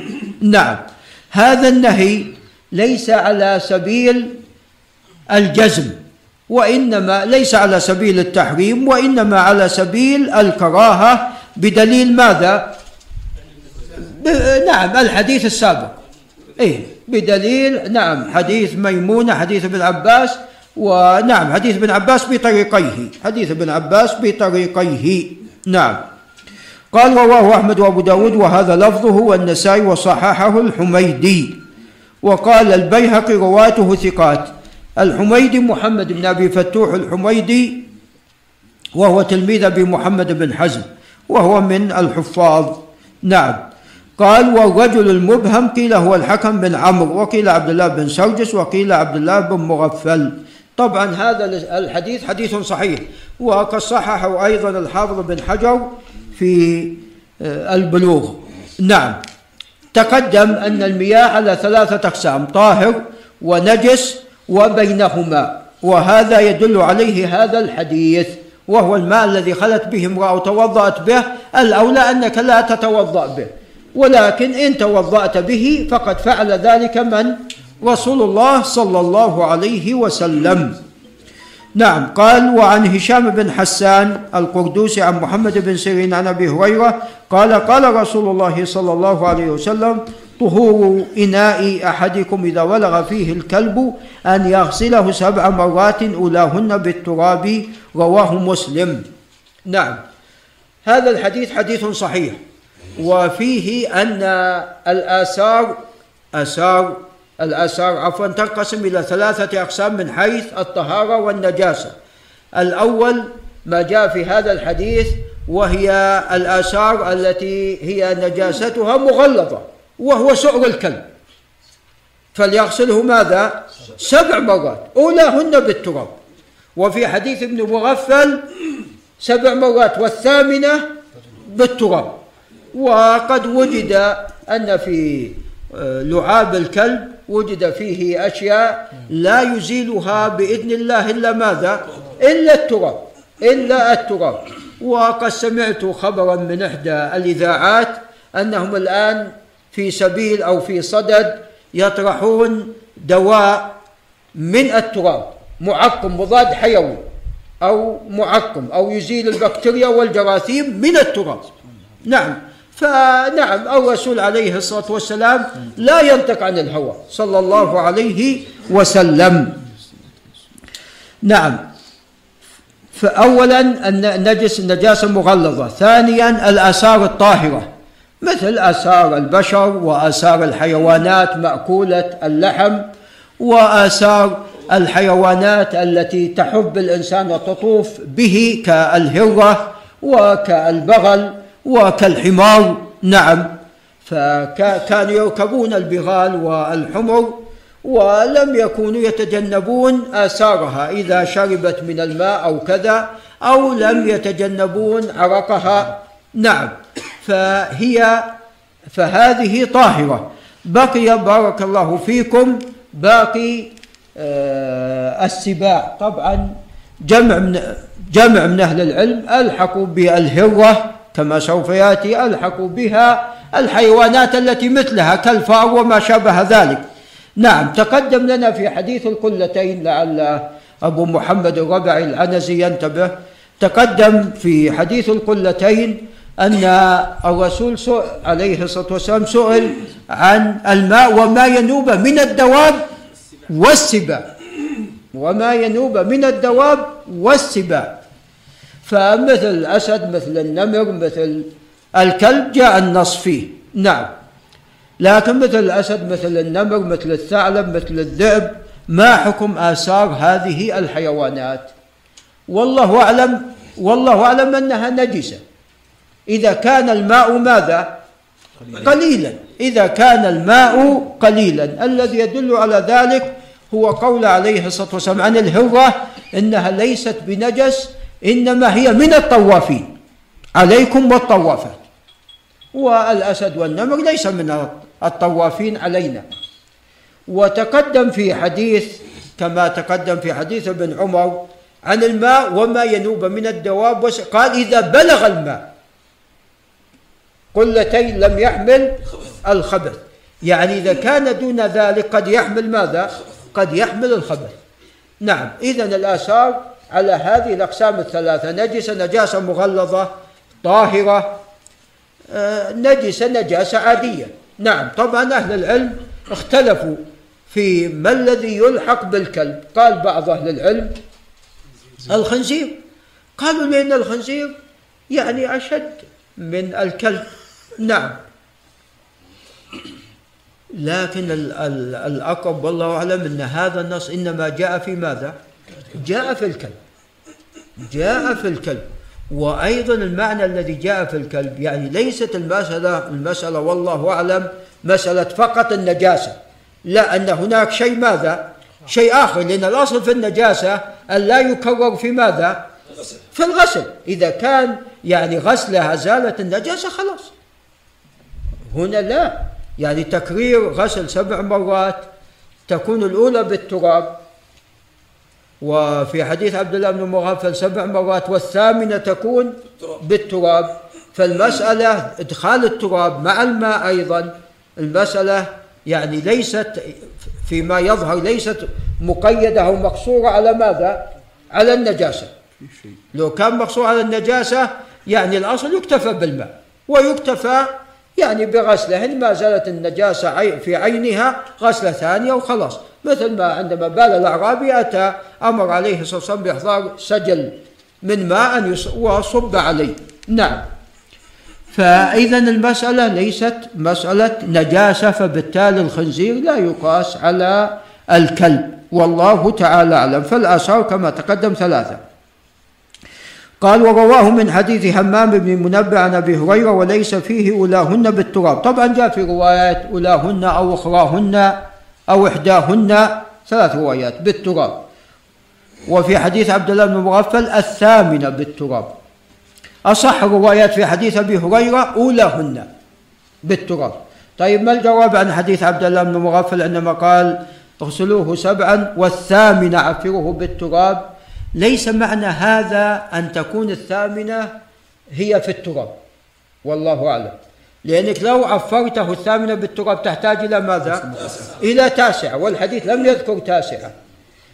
فالذي يبدو ويظهر والعلم عند الله عز وجل ويبين هذا حديث أبي هريرة إنك تستعمل تستعمل عفوا. نعم يعني نوعين من الطهارة. تستعمل ماء وتراب. تستعمل ماء وتراب. دل حديث أبي هريرة على أنك تبدأ اولا بماذا؟ بالتراب ثم بعد ذلك الماء. ولذا يعني يقال من حيث المعقول التخلية قبل ماذا؟ التحلية. التخلية قبل التحلية. تبدأ بالتراب وتزيل بالتراب. هذه النجاسة وأيضا يعني جراثيم أو بكتيريا ثم بعد ذلك تصب الماء. فسبع مرات بالماء والثامنة بالتراب ليس المقصود أن تجعل يعني الثامنة لا المقصود عندك سبع وعندك واحدة بالتراب. إي نعم. فالمجموع كم؟ المجموع ثمان. دل حديث أبي هريرة أنك تبدأ بجنس التراب ثم بعد ذلك سبع مرات بالماء.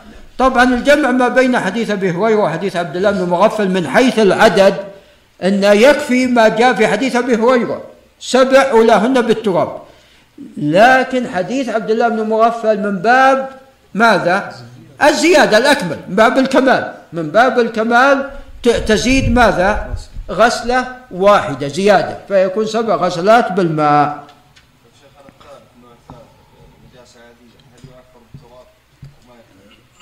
لا لا هنا يغسل بالماء. ما عدا الكلب هو الذي جاء التراب وتقدم أن لا, لا يقاس عليه غيره. قال وذكر أبو داود أن جماعة رووه عن أبي هريرة رضي الله عنه فلم يذكروا التراب وهم أبو صالح وهمام وثابت الأحنف والأعرج و آه، عبد وأبو السدي عبد الرحمن وأبو غزين وزاد أبو عمر بن عبد البر أبو سلمة وعبيد بن حنين وثابت بن عياض مولى عبد الرحمن بن زيد. نعم كل هؤلاء لم يذكروا ماذا؟ التراب. وأيضا الأعرج أي نعم مذكور ذكرت أنا الأعرج أيضا لم يذكر التراب. وإنما جاء التراب في حديث هشام بن حسان عن محمد بن سيرين عن أبي هريرة. وهذا الإسناد إسناد صحيح. ولذا صححه الإمام مسلم ويؤيد صحته حديث من؟ عبد الله بن المغفل. فهو حديث صحيح. وكون محمد بن سيرين انفرد بها هذا يدل على مزيد ماذا؟ حفظه. فهي زيادة صحيحة ويدل على الصحة كما تقدم حديث عبد الله بن مغفل قال وروى مسلم والنسائي وابن حبان من رواية علي بن مسهر القرشي عن الأعمش عن أبي وزين وأبي صالح عن أبي هريرة رضي الله عنه قال قال رسول الله صلى الله عليه وسلم إذا ولغ الكلب في إناء أحدكم فليوقه ثم ليغسله سبع مرات. رواه مسلم من رواية إسماعيل بن زكريا عن الأعمش. وقال ولم يقل فليرقه نعم وقال الدار قطني إسناد حسن ورواته كلهم ثقات. هذه الزيادة التي زاد علي بن موسى اختلف فيها من حيث الصحة فبعضهم صححها كما أخرجها الإمام مسلم. نعم. وإن كان يعني الإمام مسلم كأنه يشير إلى ماذا؟ إلى تعليلها. نعم. قال ولذا قال في رواية إسماعيل بن زكريا. قال ولم يقل فليوقه. ولذا قال النسائي لا أعلم أحدا تابع علي بن مسهر على قوله فليوقه. نعم. وقال ابن عبد البر في التمهيد أما هذا اللفظ في حديث الأعمش فليرقه فلم يذكره أصحاب الأعمش الثقات الحفاظ مثل شعبة وغيره. فهذه الزيادة لا تصح. والصواب أنها موقوفة على أبي هريرة. الصواب أنها موقوفة على أبي هريرة كما في رواية حماد بن زيد التي رواها المنذري التي رواها ابن المنذر. وغيره. فالصواب أنها موقوفة على أبي هريرة ولكنها صحيحة من حيث المعنى. لا تصح من حيث الإسناد. الصواب أنها موقوفة الزيادة على أبي هريرة. من حيث المعنى صحيحة لأن عندما قال عليه الصلاة والسلام إذا ولغ الكلب في أحدكم فليغسله سبعا أولاهن بالتراب. هذا في غسل الإناء. إذا هذا الماء أكيد. نعم. هذا راح نعم. عليك أن تريقه نعم. إذا كان الإناء يغسل سبع مرات إحداهن أو الصواب أولاهن بالتراب فكيف بالماء الموجود فيه؟ فمن باب أولى أنه ماذا؟ أنه يراق نعم. فلذا هذه صحيحة من حيث المعنى دون الإسناد والإسناد الصواب أنها موقوفة على أبي هريرة. نعم.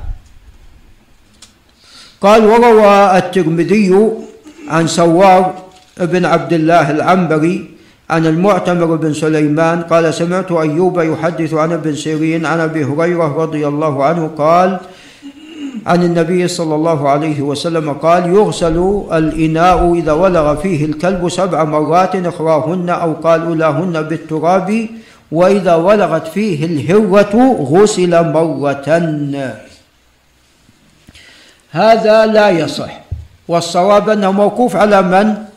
على أبي هريرة. الصواب أنه موقوف على أبي هريرة. نعم الصواب أنه موقوف على أبي هريرة رضي الله عنه وليس بمرفوع.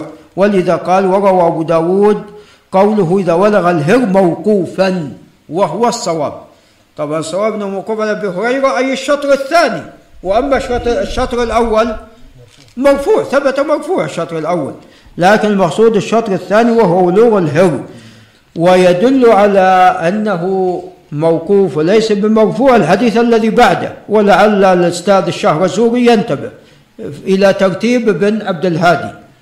قال وعن أبي وقال وعن كبشة بنت كعب بن مالك وكان وكانت تحت ابن أبي قتادة طبعا حميدة روت هذا الخبر عن كبشة. وكبشة عن أبي قتادة. أن أبا قتادة دخل عليها قالت فسكبت له وضوءا قالت فجاءت هرة تشرب فأصغى لها الإناء حتى شربت. قالت كبشة فرآني أنظر إليه. فقال تعجبين يا ابنة أخي؟ فقلت نعم. قال إن رسول الله صلى الله عليه وسلم قال إنها ليست بنجس إنما هي من الطوافين عليكم أو الطوافات. نعم. هذا الحديث حديث عظيم وهو حديث مهم. اولا فيه أن الهرة طاهرة. إنها ليست بنجس هذا واحد. الأمر الثاني أن جمعا من أهل العلم ألحقوا بالهرة الحيوانات التي مثلها ونحوها كالفأر وما شابه ذلك. الأمر الثالث تعليل ذلك بأنها من الطوافات. إذا كل ما كان يطوف بالإنسان وحوله فالأصل فيه ماذا؟ الطهارة. نعم إما أن يكون هذا أصلا أو رخصة وتخفيفا. نعم أو رخصة وتخفيفا. ونعم تخفيفا لأنها تطوف بك. فلو كانت نجسة راح يصعب ماذا؟ يصعب الاحتراس منها. وخاصة يعني فيما سبق يعني كانوا يربون القطط وتدخل عليهم القطط. نعم. وأيضا مياههم يعني ليست بالكثيرة. وغالبا أنها تكون محفوظة مو مثل تفتح الصنبور يجي لك الماء. ما كان عندهم وإنما يضعون مياههم في الأواني. فإذا لم يكن هذا الإناء مغلق فقد تأتي ماذا؟ الهرة وتشرب. نعم من هذا الماء.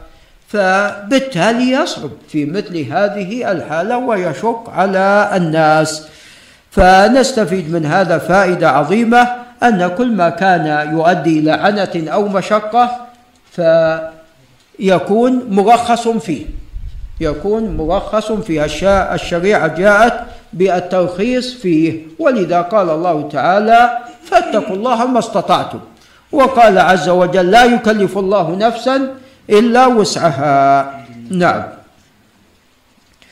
ثم قال وقال قال وصححه الترمذي وابن خزيمة وابن حبان والحاكم وغيرهم كابن المنذر والإمام وأبو جعفر العقيلي وأبو العباس بن تيمية. نعم. طبعا العقيلي قال إسناده ثابت صحيح. نعم. قال وقال الدار قطني رواته ثقات معروفون. حميدة بنت عبيد طبعا إسحاق بن عبد الله بن أبي طلحة عن حميدة عن كبشة عن أبي قتادة. نعم حميدة وكبشة كلاهما ليست بالمشهورتين ولكن يعني قد روي حديث مستقيم والأئمة تتابعوا على تصحيحه ولذا قال واحتج به مالك في الموطأ ومع ذلك هذا كلام الحاكم. ومع ذلك فإن له شاهدا بإسناد صحيح. جاء أيضا من طريق آخر عن عائشة أم المؤمنين رضي الله عنها ولكن إسناد حميدة عن كبشة أصح. نعم. وهو المشهور حديث أبي قتادة. نعم قال وعن أنس بن مالك رضي الله عنه قال جاء أعرابي فبال في طائفة المسجد فزجره الناس فنهاهم النبي صلى الله عليه وسلم. فلما قضى بوله أمر النبي صلى الله عليه وسلم بذنوب من ماء فأهريق عليه. متفق عليه واللفظ للبخاري. هذا الحديث كما تقدم في حكم الآثار هذا الحديث في حكم البول. نعم. والبول بارك الله فيكم ينقسم إلى ثلاثة أقسام. نعم. من حيث النجاسة والطهارة. القسم الأول بول مأكول اللحم وهو ماذا؟ وهو طاهر. بوله ونجوه طاهر. ولذا كان عليه الصلاة والسلام يصلي في مرابض الغنم وفي حديث العرنيين أمرهم أن يشربوا من أبوالها وألبانها. نعم. فبول مأكول اللحم طاهر هذا القسم الأول. القسم الثاني البول النجس. وهو بول بني آدم تفضل. وبول الحيوانات غير مأكول اللحم. فهذه نجسة. القسم الثالث نعم. وهو بول الطفل الرضيع فهذا نجس ولكن نجاسة ماذا؟ مخففة. نجس ولكن نجاسة مخففة. نعم. وسوف يأتينا بإذن الله. نعم. وفي هذا الحديث أنه عليه الصلاة والسلام أمر بذنوب مما فهريق عليه. قال النسائي رحمه الله بوب على هذا الحديث عدم التوقيت في الماء. أن أمر بدلو صبوه على هذا الماء. فهذا استفاد منه النسائي أنه عدم التوقيت في ماذا؟ في الماء. نعم. فأولا أن يقال أن طهارة الأرض تكون بأمرين. إما بيبسها. لحديث ابن عمر كانت الكلاب تقبل وتبول وتدبر. كانت الكلاب تبول وتقبل وتدبر في المسجد. كانت الكلاب تقبل وتدبر وتبول. في المسجد ولم يكونوا يرشون شيئا من ذلك. وقد بوب عليها أبو داود أن الأرض تطهر بماذا؟ باليبس. الأرض نعم مو السجاد لا الأرض تطهر باليبس. كما أنها أيضا تطهر بصب ماذا؟ الماء عليها. تطهر بصب الماء عليها كما جاء هذا في حديث أنس الذي معنا. بصب الماء. نعم. أيضا مما يستفاد أيضا من هذا الحديث أنه في أثناء صب الماء وجاء رشاش ما حكم هذا الرشاش نعم.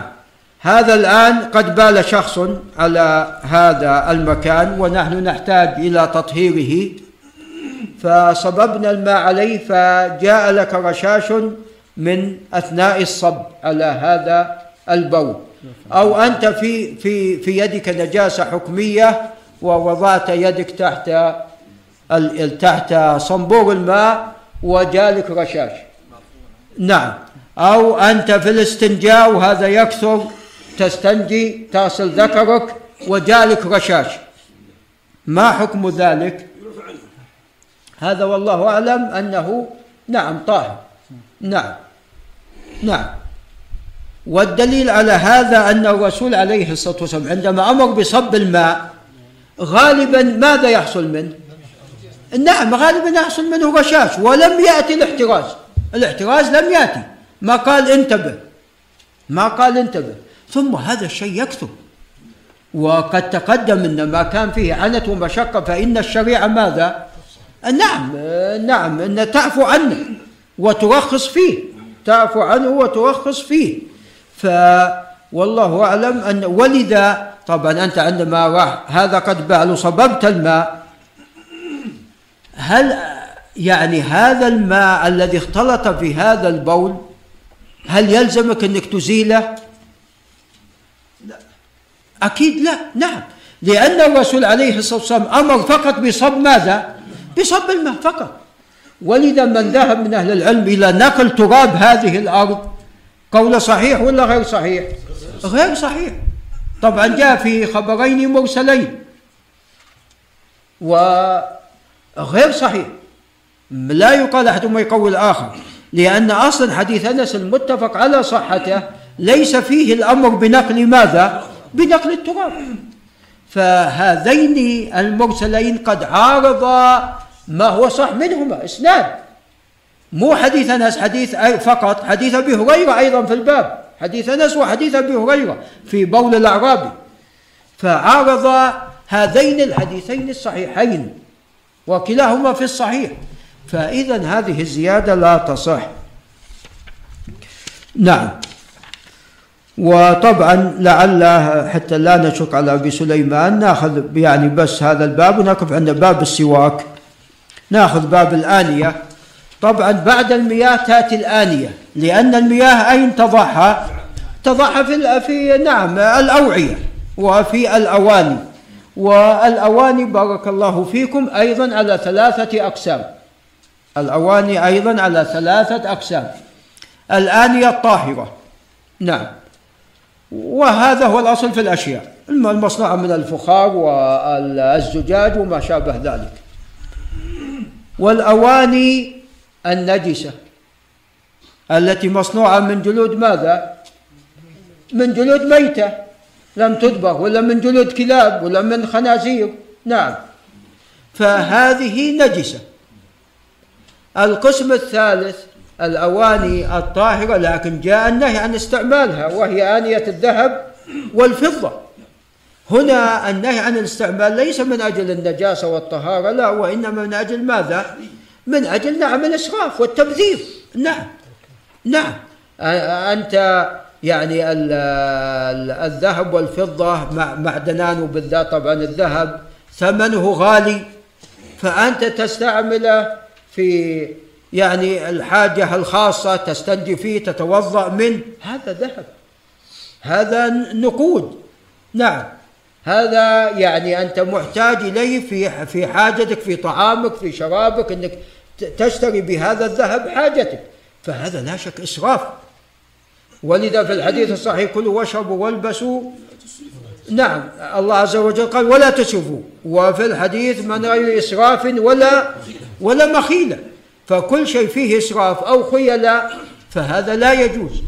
فلا شك أن استعمال الذهب إسراف. وماذا؟ وخيلة نعم.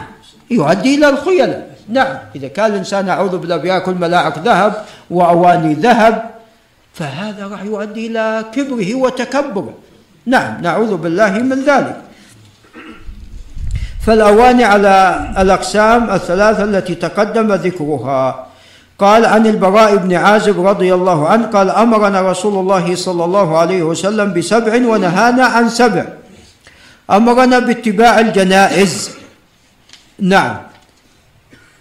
وهذا والله أعلم الأمر على الوجوب. وإن كان الجمهور يقولون على الاستحباب. وإذا قلنا على الوجوب ليس يعني كل جنازة عليك ماذا تتبعها. لا. وإنما الجنائز التي معارفك وأقاربك وفي ماذا؟ وفي حيك. نعم. وليس في كل جنازة يجب عليك أن تتبعها. لو كان هكذا نعم. مدينة الرياض إذا في كل وقت أنت تتبع. نعم. قال وعيادة المريض أيضا يعني من جيرانك ومعارفك وما حولك. نعم. قال وإجابة الداعي طبعا في اتباع الجنائز وعيادة المريض فيه التلاحم. وماذا؟ والترابط والتكاتف. نعم. قال وإجابة الداعي لأن إذا دعاك الشخص ولم تجبه راح يقع في نفسه ماذا؟ شيء ونصرة المظلوم وإبرار القسم. واحد أقسم عليك في شيء يعني بحمد الله ليس بمحرم وأنت قادر عليه؟ نعم بر بيمينه.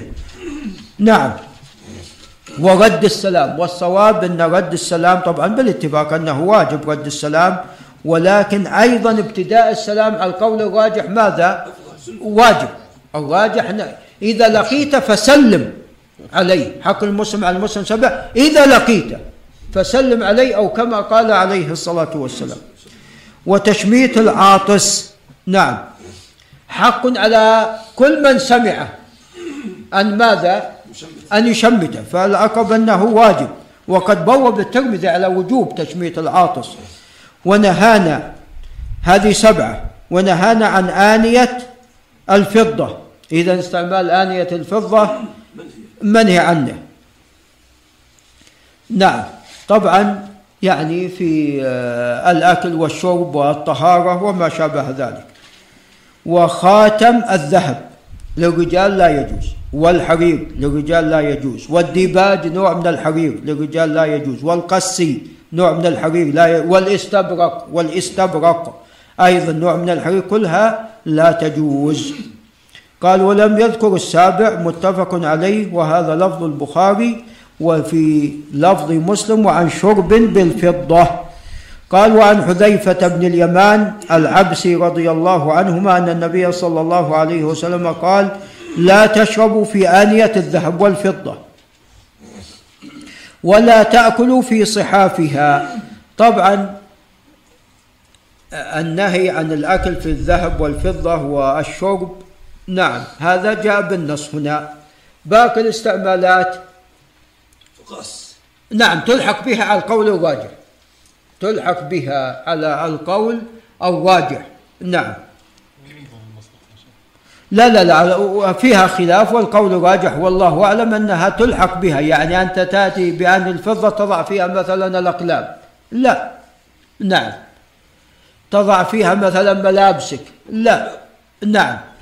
نعم مقابض الباب أو كذا. نعم هذا كله من الإسراف. نعم. نعم. قال ولا تأكلوا في صحافها فإنها لهم في الدنيا ولكم في الآخرة. نعم متفق عليه. قال وعن أم سلمة زوج النبي صلى الله عليه وسلم ورضي الله عن أم سلمة قالت قال رسول الله صلى الله عليه وسلم الذي يشرب في إناء الفضة إنما يجرجر في بطنه نار جهنم. وهذا يفيد أن ذا أن هذا الفعل كبيرة. متفق عليه أيضا. قال وعن ابن عباس رضي الله عنهما ايما اهاب دبر فقد طهر. أخرجه إلا البخاري. نعم أخرجه يعني مسلم وأصحاب السنن الخمسة والإمام أحمد وغيره قال ولفظ مسلم إذا دبغ الإهاب فقد طهر. شو اللي رجحنا عن بدوس البلوغ؟ إذا دبغ والله أنا اللي في بالي أيما إهاب دبغ فقد طهر. نعم. قال وقد تكلم فيه الإمام أحمد. طبعا في فرق بين اللفظين. أيما إهاب نعم يعني أقوى في العموم. نعم. قال وقد تكلم فيه الإمام أحمد. أي في عبد الرحمن بن شماسة والصواب أنه صحيح. أن أنه ثقة والخبر صحيح. قال ورواه الدار قطني من حديث ابن عمر وحسن إسناده. والأقرب أنه لا يصح.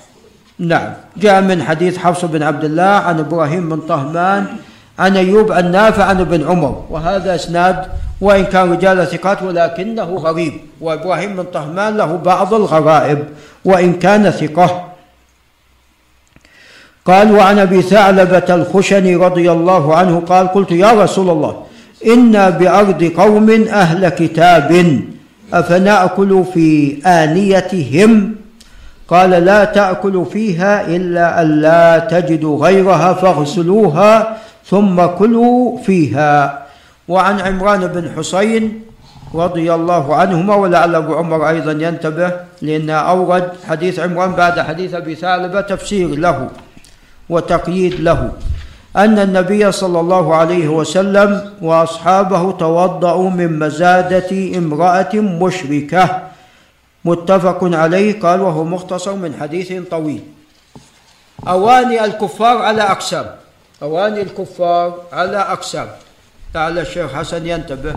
القسم الأول أوانيهم أوانيهم التي يستعملونها في الشرب وفي يضعون فيها المياه. الأصل فيها ماذا؟ الطهارة. الأصل فيها الطهارة. القسم الثاني آنيتهم التي يطبخون فيها. آنيتهم التي يطبخون فيها. أو الأقداح التي يستعملونها في شرب الخمر. فهذه والله أعلم الأصل أنها لا تستعمل. لانهم غالبا يطبخون ماذا؟ الخنزير. وهذا ينزل حديث أبي ثعلبة على هذا. وحديث عمران على المزادة مزادة قربة فيها ماء. فأخذ منها عليه الصلاة والسلام أخذ من ماذا؟ أخذ من هذه المزادة. نعم فلو كانت نجسه ما أخذ منها. فلعل ينزل حديث أبي ثعلبة على ذلك. نعم على الآنية التي يطبخون فيها طعامهم فغالبا لا يخلو من خنزير. نعم وأقداحهم التي يشربون فيها الخمر. نعم. فهذه لا يجوز استعمالها. القسم الثالث الأواني التي لا ندري التي لا نعلم لا نعلم يعني لا يطبخون بها ولا ندري يعني. فالأصل فيها ماذا؟ الطهارة والله أعلم. الأصل فيها الطهارة والله أعلم. قال وعن جابر رضي الله تعالى عنهما في حديث له أن النبي صلى الله عليه وسلم قال أوكي سقاك واذكر اسم الله. وخمر إناءك واذكر اسم الله. ولو أن تعرض عليه عودا متفق عليه. نعم. متفق يعني جاء من حديث ابن جريج عن عطاء عن جابر ومن حديث عمرو بن دينار عن جابر. نعم وهو حديث عظيم. والآن طبعا يأمرون الآن الطب الحديث يأمر بماذا؟ بإغلاق نعم بتغطية الأطعمة والأشربة. نعم.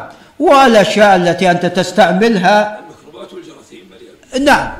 فالإسلام قد سبقهم إلى ذلك.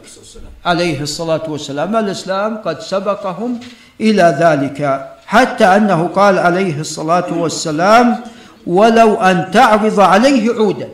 أنت ما وجدت ما يغطي هذا الإناء حتى لو تعرض عليه عود وتذكر اسم الله. فزاد الإسلام على هؤلاء اولا سبقهم ثم زاد عليهم بذكر اسم الله. واسم الله فيه بركة وحرز وتعوذ. فيه بركة في المباركة بالشيء. ولذا عندما وضع أصابع عليه الصلاة والسلام في الماء القليل وقال بسم الله أخذ الماء ماذا؟ نعم يفوق من بين أصابع صلى الله عليه وسلم كالعيون. نعم وهو تعوذ من يعني الأشياء الضارة. من عندما تقول بسم الله على الشيء هذا تعويذ ولذا يعني قد الشيخ حسن لأنه يكثر من السفر يعني إذا خرجت للبر ونمت في البر في الهواء الطلق يعني لا بأس أنك تضع خط وتقرأ ماذا؟ وتنام داخله وتقرأ على نفسك. تعوذ تعوذ هذا المكان. وقد وجد أن تأتي أحيانا بعض الدواب وتقف عند ماذا؟ تقف عند الخط. نعم تقف عند الخط. فالشريعة بحمد الله كل ما نحتاج إليه في دين أو في ماذا أو في دنيا. بس تبغي ناس يعملون. نعم تبغي ناس تريد ناس يطبقون. قال ولمسلم أن رسول الله صلى الله عليه وسلم قال غطوا الإناء. شوف تأكيد الشريعة الأمر بالتغطية. وأوكوا السقاء. فإن في السنة ليلة ينزل فيها وباء لا يمر بإناء ليس عليه غطاء أو سقاء ليس عليه وكاء إلا نزل فيه من ذلك الوباء. نعم. في أشياء ما تدري عنها. تنزل من ماذا؟ تنزل من السماء. أنت لا تعلم عنها ولا تدري عنها. فأمر الشارع بالتغطية. نعم أمر الشارع بالتغطية عليه الصلاة والسلام. ولعل نقف عند هذا.